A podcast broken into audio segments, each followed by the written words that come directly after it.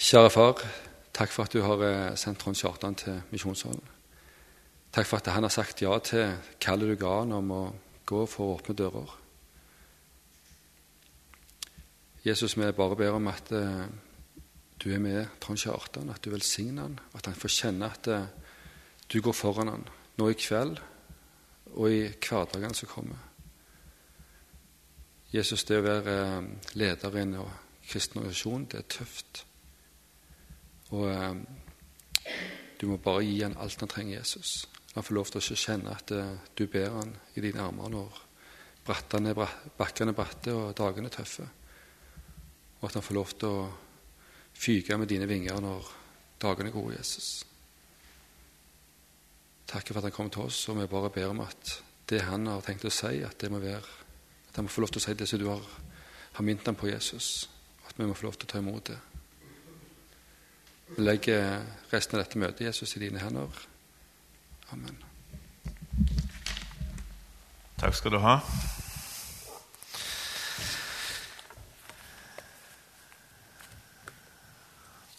Tusen takk for invitasjonen til å komme til misjonssalen. Det var veldig kjekt å få komme her. Jeg er områdeleder i Åpne dører i Sør-Rogaland. Jeg har vært det et år. Og eh, en del av min jobb er å reise rundt sånn som jeg skal gjøre her i kveld, og forkynne Guds ord og eh, formidle vitnesbyrdet fra våre forfulgte trossøsken rundt om i verden. Så det er både en glede og en kjempeutfordring, for det er mange tøffe ting. Eh, men det er veldig viktig at eh, vi vet om våre søsken. Skal bare si kort jeg eh, bor eh, på Ålgård, er lykkelig gift med én kone. Vi har tre barn. Inntil i dag hadde vi to kaniner. Fredag forsvant svarten, og i dag var hviten vekke. og vi vet ikke hvor de er. Men eh, vi vet hvor vi er, og vi er på, bor på Ålgård og har det veldig godt. Eh, og... Eh, jeg kjører litt lastebil òg. Jeg jobber ikke bare i åpne dører. Og har kjørt buss og vært masse her i Sandnes. Så jeg har kjørt forbi her mange ganger, eh, men aldri vært inn forbi her. Så eh, det var veldig kjekt å komme inn. Egentlig så er jeg nordlending, så slipper du lure på dialekten. Jeg er ikke svensk. Selv om det er mye greie folk i, i Sverige. eh, ja De glemte barna i Den forfulgte kirke er temaet jeg skal få ta fram for dere i dag. Så tenkte jeg litt når jeg kjørte hit i dag, at eh, jeg vil utfordre deg sånn helt til å begynne med om eh, Når jeg forteller historien, vi skal få se litt film og sterke vitnesbyrd, så vil jeg utfordre deg til å, å ha kanalen åpen eh, til Gud. Så han har det sånn litt i bakhodet, og så spør Gud hva, hva er min reaksjon på det jeg ser. Fordi at du vil bli berørt av vitnesbyrdene. Det er jeg helt sikker på det blir. Og så kan det virke litt sånn, sånn, det kan bli sånn overveldende. Hva all verden kan jeg gjøre? Eh, og det er ikke Kanskje du skal gjøre litt. Ikke være så opptatt av eh, hva det sånn burde være, eller sånn du tenker. Men spør Gud hva er min reaksjon på det? Som står i stil til mine ressurser, der jeg er. Eh, hva kan jeg gjøre for de, det som eh, vi ser og får, får, høre? Så har vi liksom eh, har vi åpen kanal. Og så andre tingen Se øynene. Når du ser bilder, ser film, prøv å se øynene til de menneskene. Få øyekontakt. Vi skal se en liten film fra Nigeria, vi skal se en litt lengre film fra Colombia. Fra Colombia får noen du ikke får se øynene på, men prøv å se øynene likevel.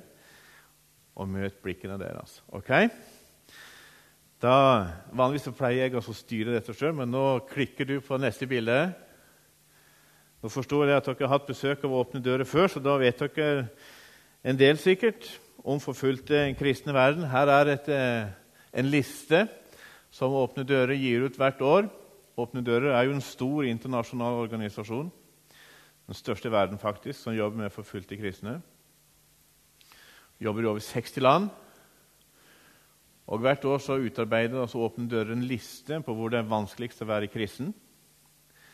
Eh, og Har du bladet vårt, som ser sånn ut, så kjenner du kanskje lista, for eh, den kommer én gang i året.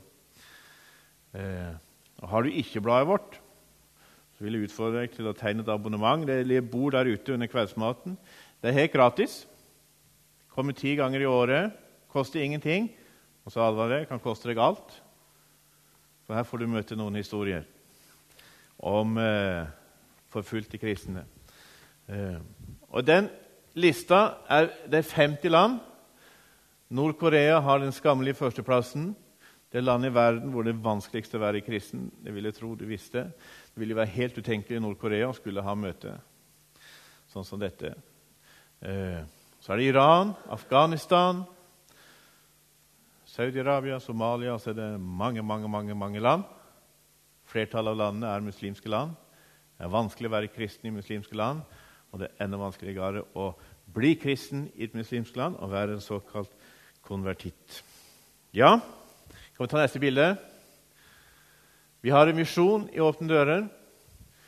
og Det er å styrke og utruste våre kristne brødre og søstre som lever under press og forfølgelse pga. sin tro på Jesus Kristus, og oppmuntre dem til å være med og utbre evangeliet til jordens ende. Det er det vi holder på med i Åpne dører. Neste bilde. Og Paulus han sier til korinterne at eh, om ett lem lider, da lider alle lemmene med. Om ett lem blir hedret, da gleder alle lemmene seg med. Det er sånn at Guds rike det er ett over hele verden. Gud har bare én menighet. Så de får høre om i dag, de er våre søsken. Og de er ikke så langt borte som vi tror. gjerne. Eh, ja, neste bilde. Skal vi se Ja, eh, kan du gå litt tilbake? Unnskyld, nå var jeg litt rask. Eh, det er våre søsken. Vi skal få se en liten film. Den er på engelsk, med engelsk tekst, men det forstår jeg av lovsangen. Det går veldig greit. Jeg har ikke klart å tekste den på norsk. Men du skal få møte noen barn fra Nigeria. Jeg har lånt filmen i England. Eh, og De forteller litt av sitt vitnesbyrd. Skal det få være innfallsporten på det jeg skal snakke om? Da kan vi snurre film.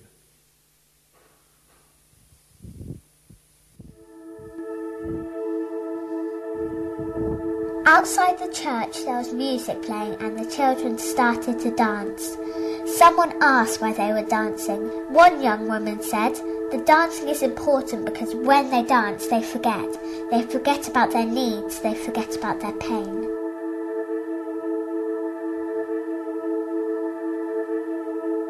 This is the world, and this is Africa. This is a country called Nigeria, and in Nigeria there is a town, a town where there is playing and singing and dancing, where there are boys and girls. This is their town, this is their world, and one night the dancing stopped.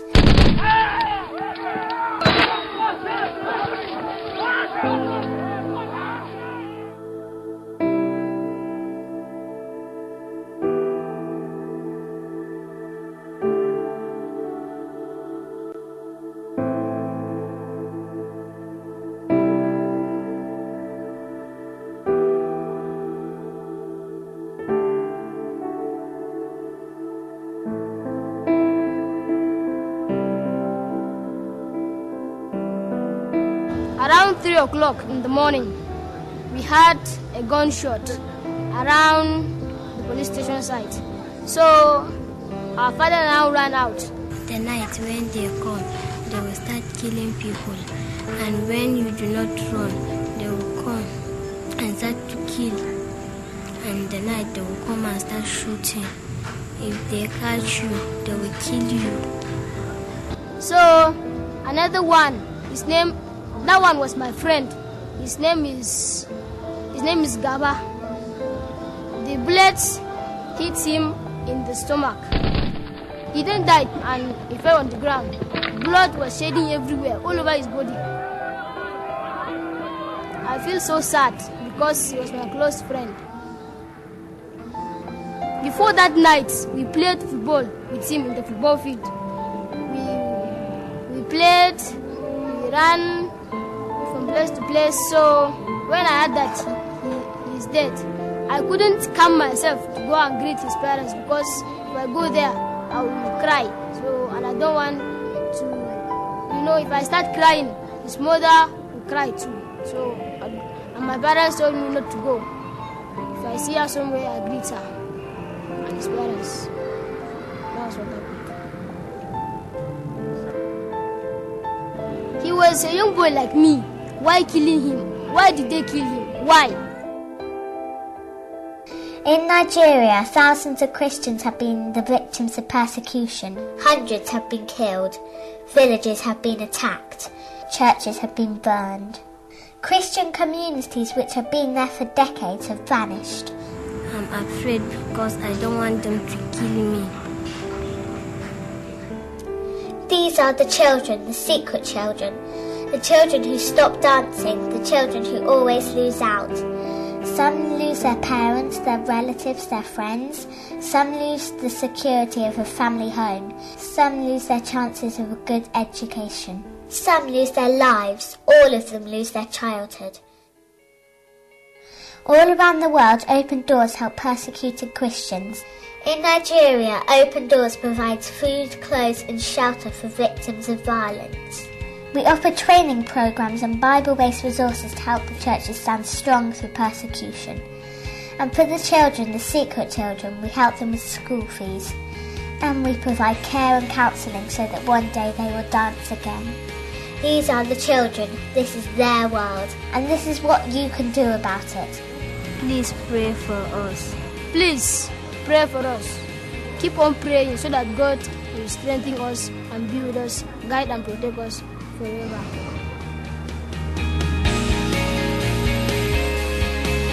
Please pray for the secret children. Once a day, seven days a week, seven weeks. From the International Day of Prayer for the Persecuted Church, 6th of November to Christmas Eve, the eve of the birth of the child who changed the world. Please give to the secret children. Seven pounds a month will make a huge difference. Seven pounds a month could help an orphan gain an education. Seven pounds a month could help provide trauma counselling to a child with horror movies in their head. Seven pounds a month could help provide a safe place for a child on the run. Help us to change their world. Hear me, Lord, and have mercy on me. Help me, O Lord. You have turned my mourning into joyful dancing. You have taken away my clothes of mourning and clothed me with joy that I might sing praises to you and not be silent. O Lord my God, I will give you thanks forever.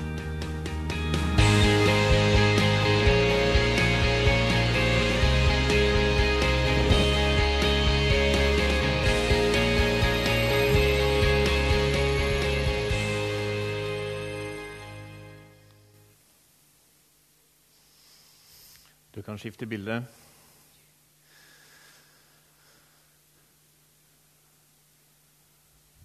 Det er en utfordring. Be gang for dagen i syv uker, sju dager i uka i syv uker. Eh, Det vi kaller for eh, internasjonale bønnedagen, eh, som i år starter 18. november. Da kan du ta neste bilde.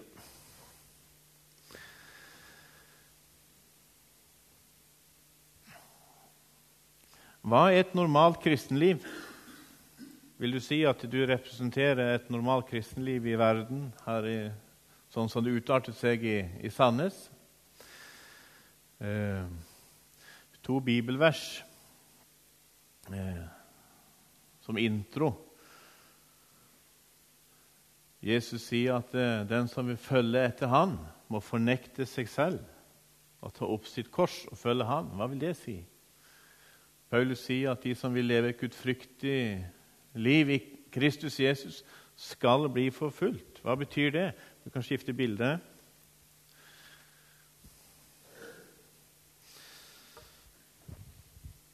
Vi skal lese sammen fra Matteusevangeliet kapittel 6, fra vers 19. Eh, Samle dere ikke skatter på jorden, hvor møll og rust hærer, og hvor tyver bryter inn og stjeler. Men samle dere skatter i himmelen, der verken møll eller rust hærer, og tyver ikke bryter inn og stjeler. For hvor din skatt er, vil også ditt hjerte være. Øyet er legemets lys. Er ditt øye friskt, da vil hele ditt legeme være opplyst. Men om ditt øye er sykt, da, da blir hele legemet mørkt. Er nå selve lyset i det mørke, hvor dypt blir da mørket? Ingen kan tjene to herrer. For enten vil han hate den ene og elske den andre, eller han vil holde seg til den ene og forakte den andre. Dere kan ikke tjene både Gud og mammon. Derfor sier dere, vær ikke bekymret for livet, hva dere skal ete, hva dere skal drikke, heller ikke for legeme, hva dere skal kle dere med. Er ikke livet mer enn maten, og legemet mer enn klærne? Se på fuglene under himmelen. Ikke sår de, ikke høster de, ikke samler de hus, men deres far i himmelen gir dem føde. Er ikke dere langt mer verdt enn de? Hvem av dere kan vel med all sin bekymring legge en eneste alen til sin livslengde? Og hvorfor er dere bekymret for klærne? Legg merke til liljene på marken, hvordan de vokser. De strever ikke, de spinner ikke. Men jeg sier dere, selv ikke Salamo i all sin prakt var kledd som en av dem. Men kler Gud slik gresset på marken, det som står i dag og i morgen kastes i ovnen, skal han det ikke meget mer kle dere, dere lite troende. Vær derfor ikke bekymret og si, hva skal vi ete? Eller hva skal vi drikke? Eller hva skal vi kle oss med? For alt slikt søker hedningen etter men deres himmelske Far vet at dere trenger alt dette. Søk da først Guds rike og hans rettferdighet, så skal dere få alt dette i tillegg. Vær da ikke bekymret for morgendagen, for morgendagen skal bekymre seg for seg selv. Hver dag har nok med sin egen plage. Da kan du skifte bilde.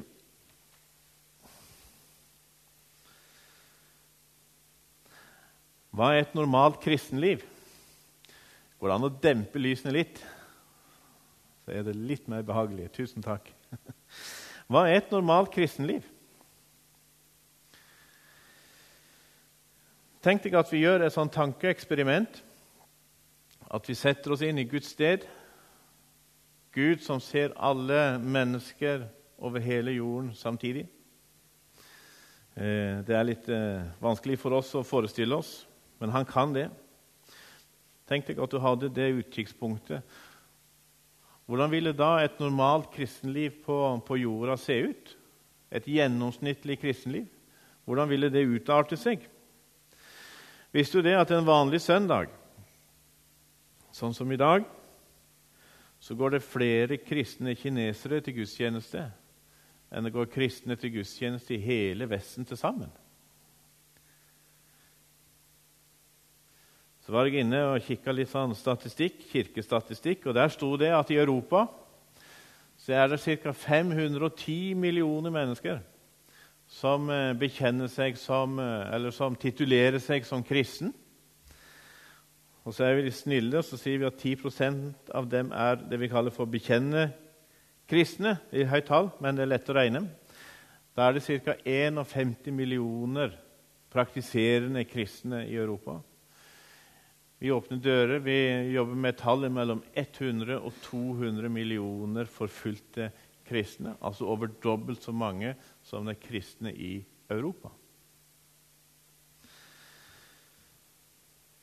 Hvordan ville da et normalt, gjennomsnittlig kristenliv se ut?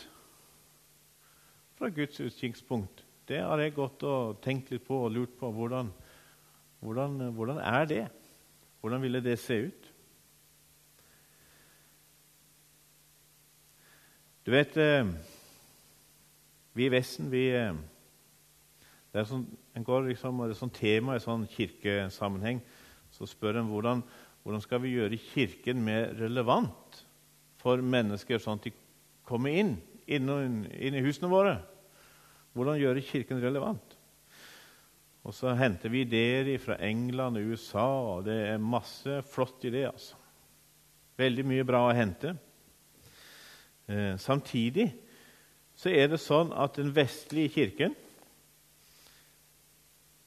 den mister tusenvis av medlemmer hver eneste dag.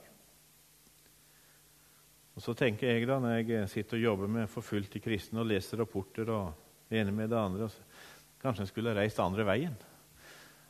En skulle reist til, eh, til Vietnam, f.eks. En stor vekkelse i Vietnam. Kanskje skulle reist til Iran. Eh, eller til, eh, til Nord-Korea. Det som var nummer én på lista. For der vokser Kirken. Eller til Algerie, kanskje. Og Der er ikke spørsmålet hvordan de skal gjøre Kirken relevant for folk. Eh, for der er budskapet du, kanskje, du, mister kanskje jobben din. Kanskje må du bryte kontakten med familien din. Kanskje må du regne med å bli diskriminert på skolen, ikke få eksamenspapirer. Du får de dårligste jobbene. Eh, kan hende risikerer du fengsel, risikerer tortur. Kanskje må du flykte. Og det budskapet, det skaper vekkelse rundt om i verden. Hmm. For budskapet det er å eie Jesus. Å være frelst er mye mer verdt enn det du har rundt deg. Det er verdt alt sammen. Jeg kan skifte bilde. Skal fortelle dere om søster Chang. Dere har hatt besøk av Åpne dører før. Kanskje har dere hørt historien hennes. hva vet jeg. Eh, men søster Chang er en eh, fantastisk flott liten dame en av våre bibelkvinner i Kina. Hun eh, sier det at hennes historie som bibelkvinne begynte med at hun ba Gud om å få en bibel, for hun hadde ingen bibel. Så fikk hun en av disse biblene som våre kurerer har fått inn i Kina for en god tid tilbake. Så begynte hun å lese Bibelen. Hun leste Bibelen tre ganger. Og da sa hun da forsto jeg at uh, de menneskene jeg har rundt meg, de kjenner ikke innholdet i denne boka. Sånn begynte hun som bibelkvinne å reise rundt og forkynne evangeliet, og mennesker ble frelst. En dag så var eh, søster Chang i en liten by langt inne i Kina.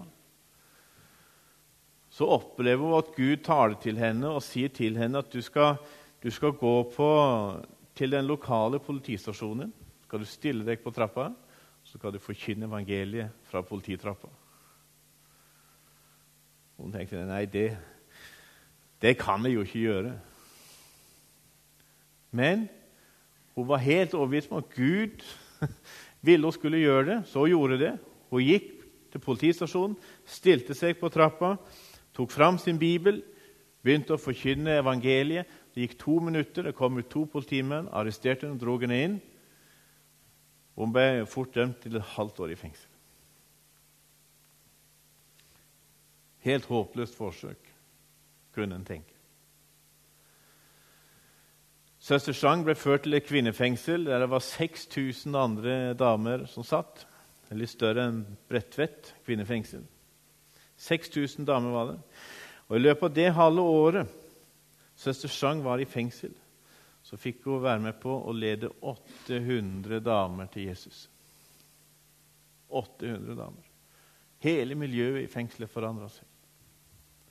Og Den dagen søster Chang skulle settes fri, så ble jo innkalt til direktørens eh, kontor. Og Han sier, 'Chang, jeg har egentlig ikke lyst til å sette deg fri.' For det som har skjedd her i fengselet etter du kom, det er jo helt forandra. Miljøet er helt snudd om. Så jeg har et tilbud til deg. Og Det tilbudet er at hvis du er villig til å bli ansatt her i fengselet som miljøarbeider, så skal du få fast lønn, du skal få egen leilighet, du skal få egen bil. Det er som å vinne ti ganger i Lotto etter hverandre for søster Chang. som ikke eier noe annet enn å kan få i en liten sekk på ryggen. Og hun søster ba Gud hjelp. Hva skal jeg gjøre? Hva skal jeg svare? Og så visste hun hva hun skulle si. Sier hun til, politi, eh, til han fengselsdirektøren tusen takk for et fantastisk tilbud. Men i hele mitt liv så har jeg bare tjent én herre, og han ville fortsette å tjene. Så tok hun skreppa si, og så gikk hun. For hun sa jeg klarte å avsløre fiendens strategi inn i mitt liv. For jeg visste det at jeg kan ikke tjene både Gud og mammon, sa søster sang. Og Hun reiser fortsatt fra sted til sted med sin skreppe og med sin bibel og forkynner evangeliet.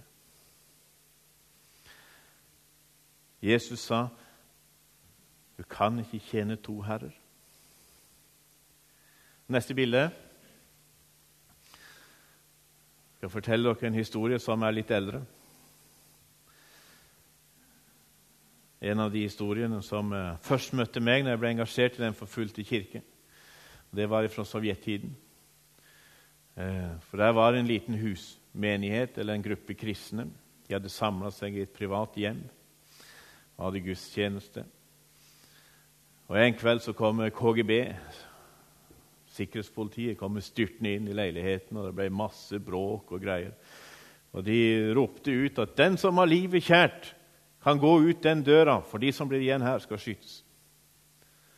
Det var noen som reiste seg og gikk. og Generalen sa, 'Jeg gjentar, den som har livet kjært, han kan få lov å gå nå, for om ett minutt så stenger det døra.'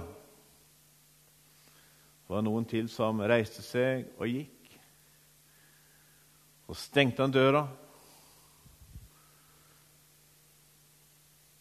Så kasta de sine våpen ned på gulvet og si dere som er her, må fortelle oss om den Gud dere tror på, som dere er villige til å dø for, for vi vil lære Han å kjenne. Den som har livet kjært.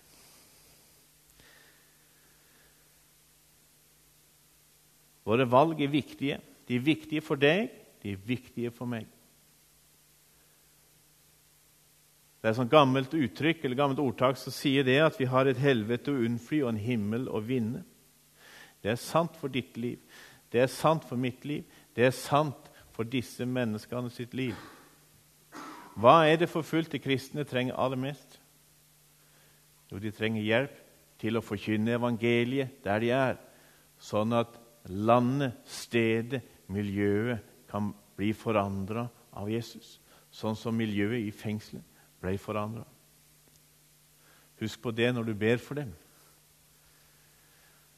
Det er ikke alltid det viktigste å få dem ut, men det er viktig å styrke dem og hjelpe dem til å bringe evangeliet ut. Sånn som du trenger hjelp til å bringe evangeliet ut i Sandnes eller der du bor.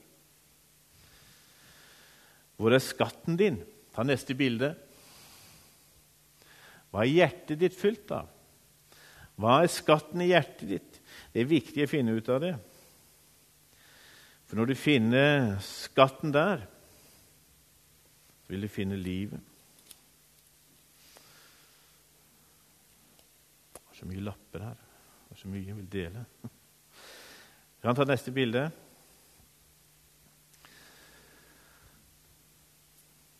Jeg skal fortelle dere om ei jente i Colombia som heter Ruth. Hun er 16 år. Hun var 16 år nå i sommer. Ruth opplevde for to år siden noe fryktelig. Jeg skal bare fortelle dere litt om hvordan det er i Colombia. Jeg skal bare ta en liten parentes. Det tåler du. Jeg har med ei bok som heter 'Hold fast når troen koster mest'. Og Det er en bok for deg som har lyst til å lære hvorfor folk forfølges. Hva er det som skjer? Hvordan kan det gå til? Hvor, hvordan utarter forfølgelsen seg i ulike land? Dette er en fantastisk spennende bok, skrevet av en mann som en av de som vet aller mest om forfølgelse i verden, eh, Macmillan. Denne burde ha, Dette er et grunnkurs i forfølgelse. Skal bare si det. Skal, bare komme på det. I Colombia der er det sånn at eh, der er det mye narkotika, der er mye splid og, og, og, og makt. Det er sånne klaner. Og Det er to grupper som forfølger kristne i Colombia. Det er paramilitære, og så er det sånne geriljagrupper. Og En av grunnene til at de forfølger kristne, det er, som en general sa, at vi, bruker, vi kan bruke årevis på å lære ungene opp i å være krigere for oss. Det er masse barnesoldater i Colombia. Vi kan bruke årevis. Og så kommer de i kontakt med disse pastorene. Så er det bare noen minutter, så er de helt ødelagt. De er helt forandra, helt ubrukelige for oss. Derfor så jakter de på pastorer. Og far til Ruth han var en sånn pastor. Veldig flink, veldig godt likt. Hjalp mange unger ut av grepet på disse her militære gruppene. Ruth hun er eh, meget dyktig til å spille fotball Hun liker det veldig godt. Hun er flink. Og hun gikk på sånn fotballtrening. Og En ettermiddag på trening så ble hun litt seinere hjem. Kjekt å spille fotball for noen. Og ble litt seinere, så Faren ble litt bekymra for Ruth. Så han begynte å gå henne i møte for å se hvor hun ble av. Og På veien dit så treffer han en sånn gruppe, og de skyter ham. Tenk deg hvordan det oppleves forut. Det er traumatisk å miste pappa. Tenk deg tankene. Tenk om det bare hadde gått når det skulle. Da hadde han ikke gått ut. Hun ble helt eh, traumatisert. Hun sier det. Jeg begynte å hate meg sjøl og gikk med selvmordstanker. Hun ble full av hat og bitterhet til de som gjorde det. Hun slutta å le. Hadde helt forferdelig. Jeg kan ta neste bilde. I sommer så fikk Ruth være med på en leir på et barnehjem som Åpne dører driver i Colombia, som vi skal få se en film fra litt seinere. Et barnehjem for foreldreløse barn som har mista foreldrene sine, en eller begge foreldrene, i lignende aksjoner som eh, far til Ruth. Hun fikk komme dit sammen med andre i samme situasjon. Der hadde de medarbeidere sånn, som kan snakke med sjelesørgere. De fikk dele erfaringer. Hun fikk fortelle om sitt liv, om sine følelser, om sitt hat og sin bitterhet. Hun fikk hjelp, hun fikk møte Jesus på nytt igjen. Og det var noen fantastiske uker forut, For hun fikk plassert tankene på rett sted, der de skulle være. Og Etter den leiren så sier Ruth Du kan ta neste bilde. Fra nå av så ønsker jeg å fylle mitt hjerte med tilgivelse overfor meg sjøl og overfor dem som drepte min far. Det er et vitnesbyrd fra ei jente som er 16 år.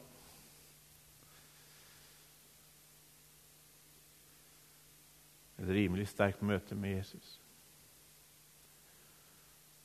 Jeg ønsker å tilgi dem som drepte min far.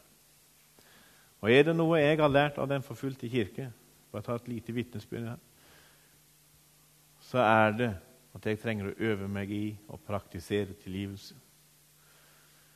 Og Vi kan bli fornærma av småting i forhold til hva disse menneskene opplever.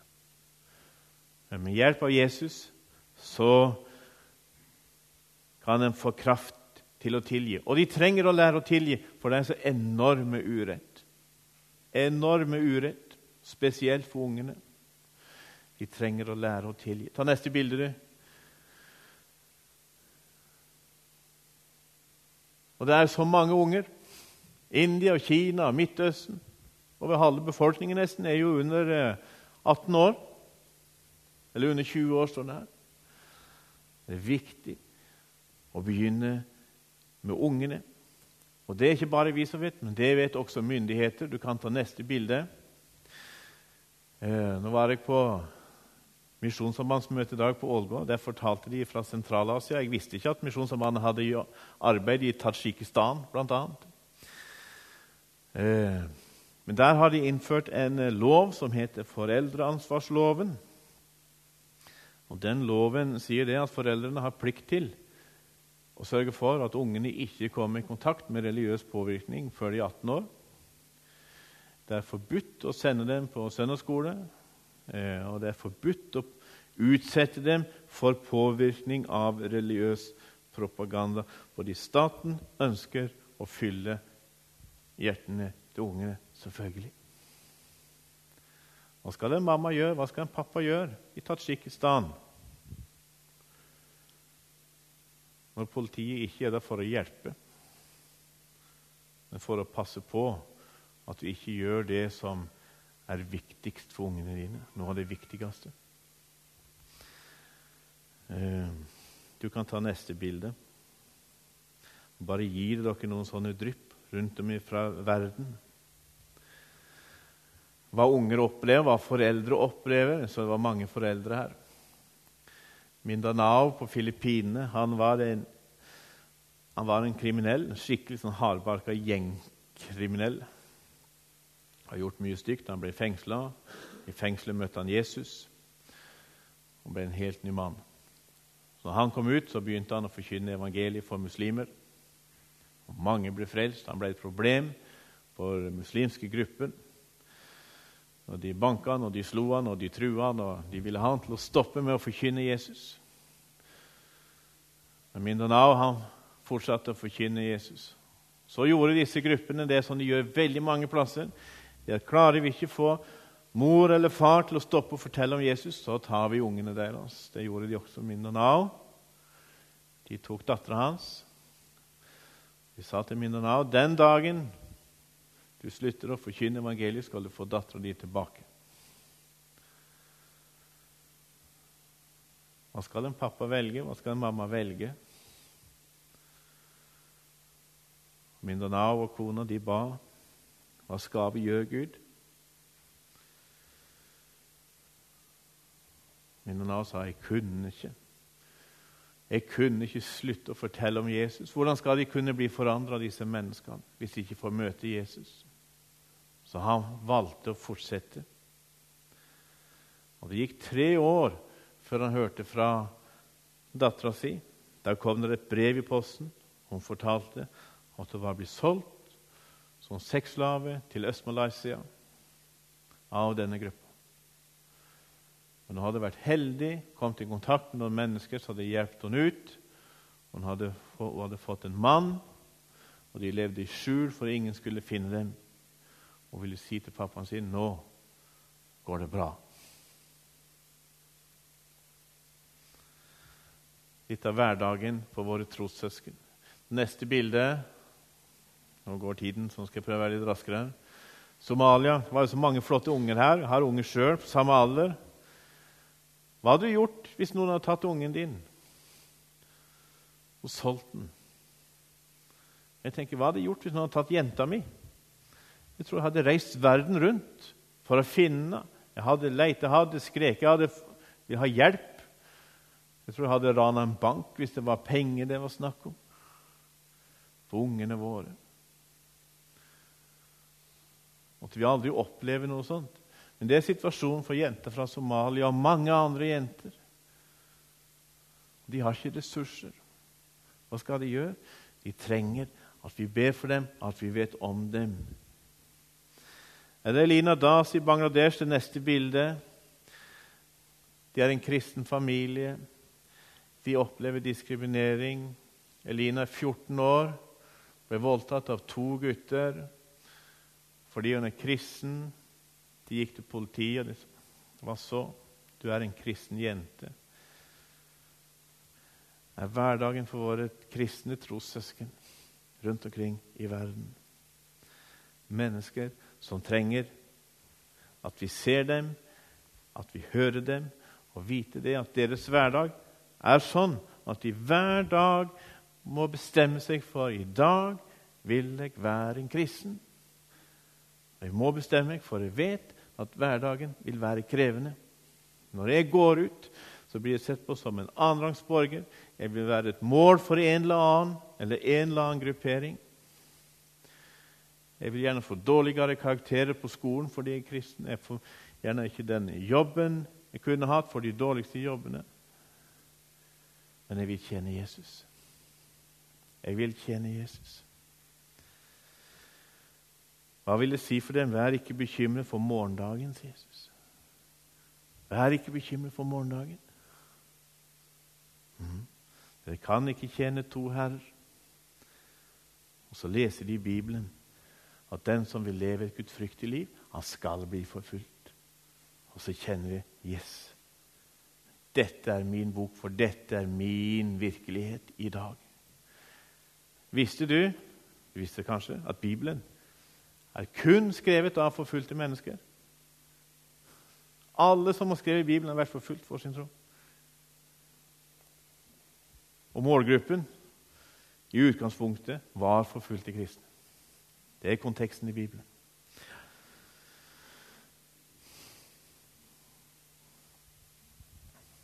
Jeg har gitt dere noen sånne sterke historier. Jeg kunne hatt mange mange flere, og du skal få noen flere noen filmer fra Colombia som kom nå i sommer, fra dette barnehjemmet som fortalte om, der unge forteller om hva de har opplevd, og hva de tenker om det som har skjedd. Vi får høre intervju med en pastor som har vært barnesoldat. En pastor som har jakta på kristne, som nå er pastor for de samme kristne som man en gang jakta på.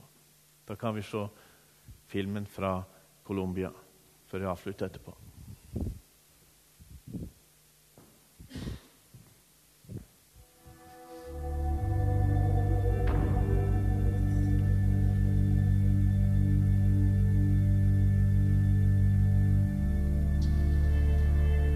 Colombia is a beautiful country filled with hardworking people.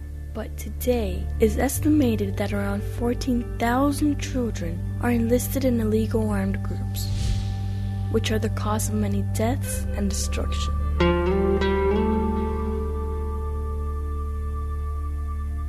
Many Christian families are mistreated, abused, and persecuted for preaching the gospel in the regions controlled by these groups.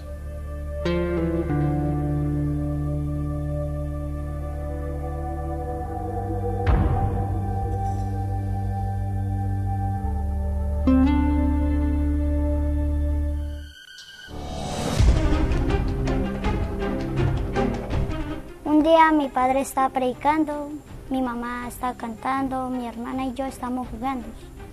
Y llegan unos grupos ilegales y coge a mi papá y lo saca. Cuando yo miré por primera vez esas personas, sentí como miedo, como terror en mi corazón, no sé. Nunca he visto así unas personas vestidas de negra, con armas, niños pequeños con pistola, todas esas cosas. Me asusté mucho. Cuando lloraba mi papá em, me decía que lo iba a matar. Yo me sentía muy triste, como, uy, Dios mío, ¿y eso por qué? Mis padres estaban preparando para ser pastores, eh, me daban consejos, me ayudaban en el estudio, siempre me trataban bien. Eh, yo estaba donde una vecina, yo había salido. Y después cuando sonaron todos los tiros, entonces yo me asusté y fui a preguntar por mi mamá y mi papá. Y cuando vi a mi mamá, simplemente ella respiraba. Entonces yo al verla así, yo quería como hablar con ella y pues la gente no me dejaba. Decía, Ay, déjenme de entrar, déjenme de entrar. Y o sea,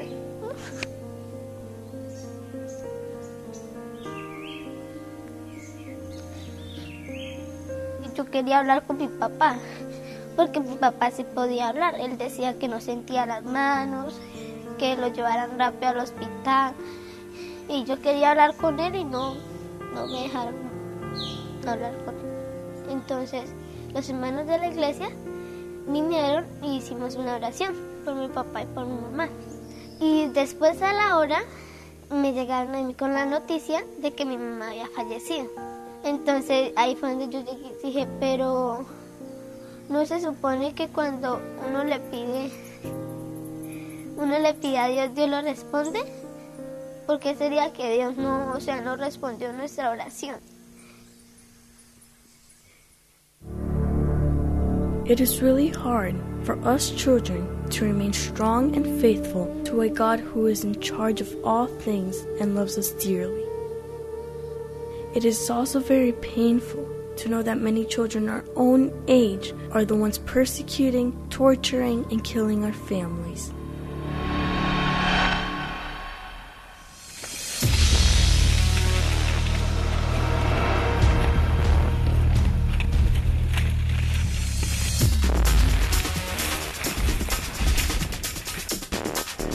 Mi primer encuentro con un grupo fue alrededor de los cinco años.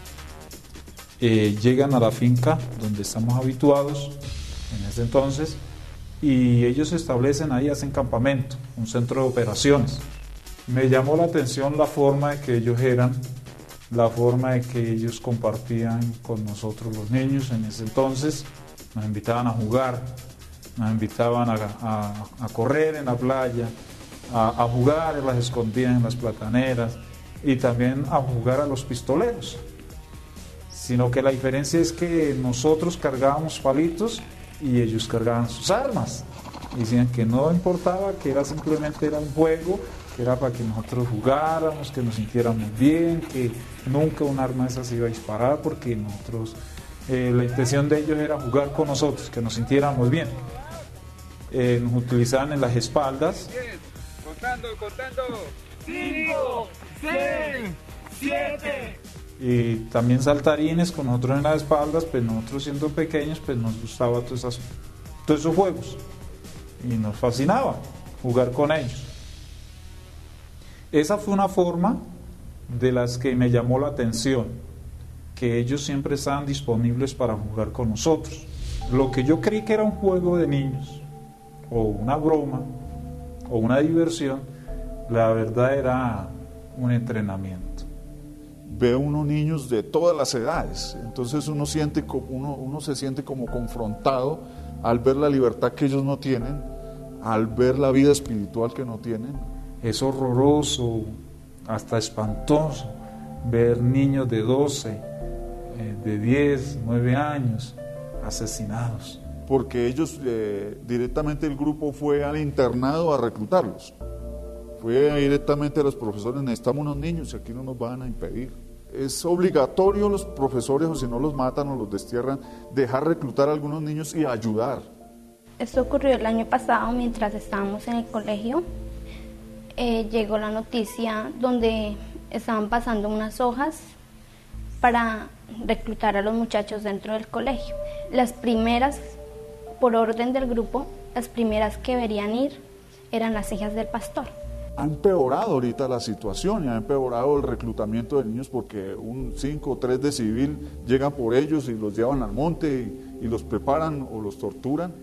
Fui testigo de una ejecución eh, un día en la mañana, posiblemente tendría alrededor de siete años. Eh, fue una joven. Eh, vi cómo hicieron el hueco y cómo fue ejecutada. Eh, no pasó mucho tiempo, no sé exactamente si fueron dos o tres días. Hubo otra ejecución en la cual ya yo mismo hice el hueco y quise ya participar un poquito más. Y así no pasó el mes cuando ya yo quise participar también disparando. La primera ejecución creo que yo hice personalmente fue por ahí a los siete años. Un solo terrorista se encarga de, se encarga de hacerle mucho daño a 100 o a 500 iglesias. Es tanta la radicación que uno tiene allá eh, que aquella persona que es cristiana es un objetivo militar. En mi caso, estaba dispuesto hasta eliminar a mi familia, porque mi familia era la organización. For us, it's terrible to live in constant fear of being killed or enlisted in these groups. Our parents fear for us, and that's why they send us to safe places far away from them. Sometimes we don't get to see them for years or even know if they're still alive. Yo llegué a este lugar porque se dio una situación en mi casa. Eh, mi padre fue asesinado por un grupo ilegal. Cuando asesinaron a mi papá, yo solamente tenía siete años. Lo que me ocurrió a mí le ocurre a muchos niños y yo quisiera que eso parara. Ya no recuerdo casi de él, pero extrañarlo sí.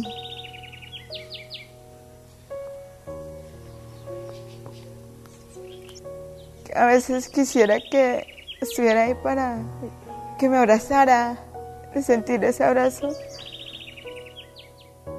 Fue duro porque fue la primera vez que me tenía que separar de mi mamá y de mi papá. Yo me sentía segura acá, mas sin embargo no podía tener paz porque ellos se encontraban allá solos en la situación que se estaba presentando. En lo que le he pedido a Dios en la situación que se ha presentado es que si algún día mi papá tiene que morir por esa causa, es que no sea en este momento, no se lo vaya a llevar en el momento de nuestra infancia. Lloro de día y noche en mi cama, a veces me pongo a leer la Biblia y oro mucho por mi papá que, él, que lo cuide de todo mal y peligro. En ese lugar a veces yo extraño mucho a mi familia, a mi hermana, que a veces jugamos, mi mamá que, que por la mañana le da un beso, que la abrazaba, y a mi papá también, que él me enseñaba a corregirme. Me hace mucha falta mi familia.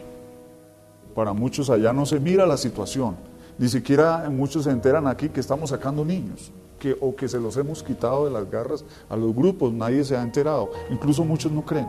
¿Cómo usted puede ir a sacar un, niño y quitarse los grupos tan terroristas, tan malos? Entonces, con la ayuda del Señor lo hemos hecho.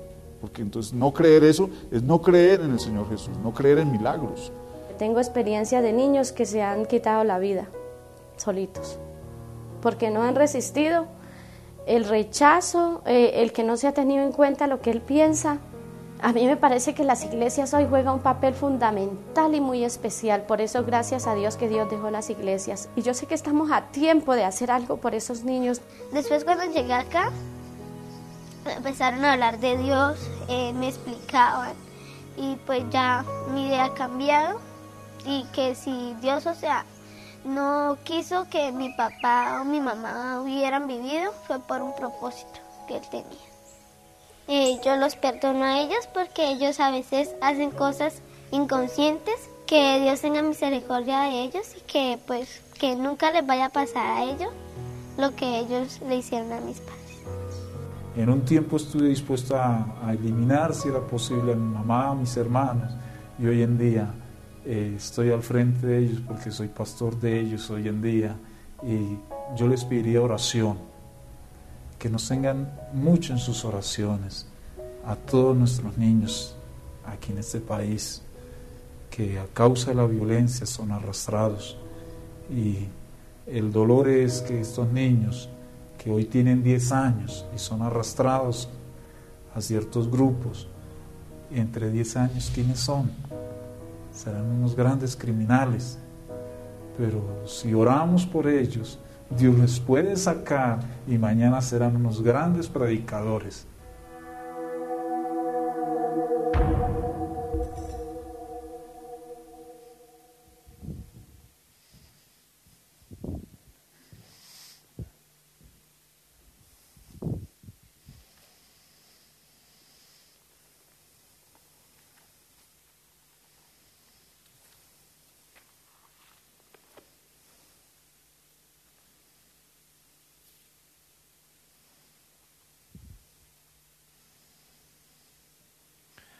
Gutten fra Nigeria sa 'be for oss'. At vi får være sterke. Vi skal spise kveldsmat etterpå, så er det et bord med bøker på. Og Der er det sånne lapper. Lapp så du kan legge i Bibelen din og be for disse glemte barna. Nesten 30 millioner sånne som vi har sett litt glimt av i dag. Ta med deg en lapp, gjerne med det flere, for det er åtte forskjellige navn. Legg dem i, i Bibelen din. Be for dem en gang for dagen, sju dager i uka, sju uker.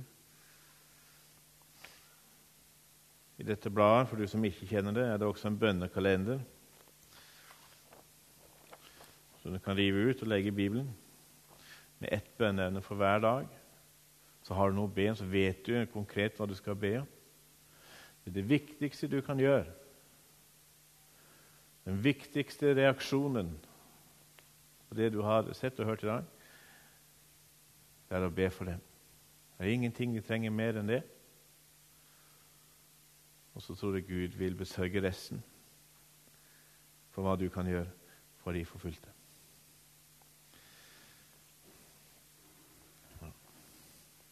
Du kan bare legge på siste bilde. Og Jung-Chol er en av de som er på disse kortene fra Nord-Korea. Tusen takk for at du ville låne øre til budskapet fra de forfulgte. Jeg har lyst til å avslutte med å be en bønn.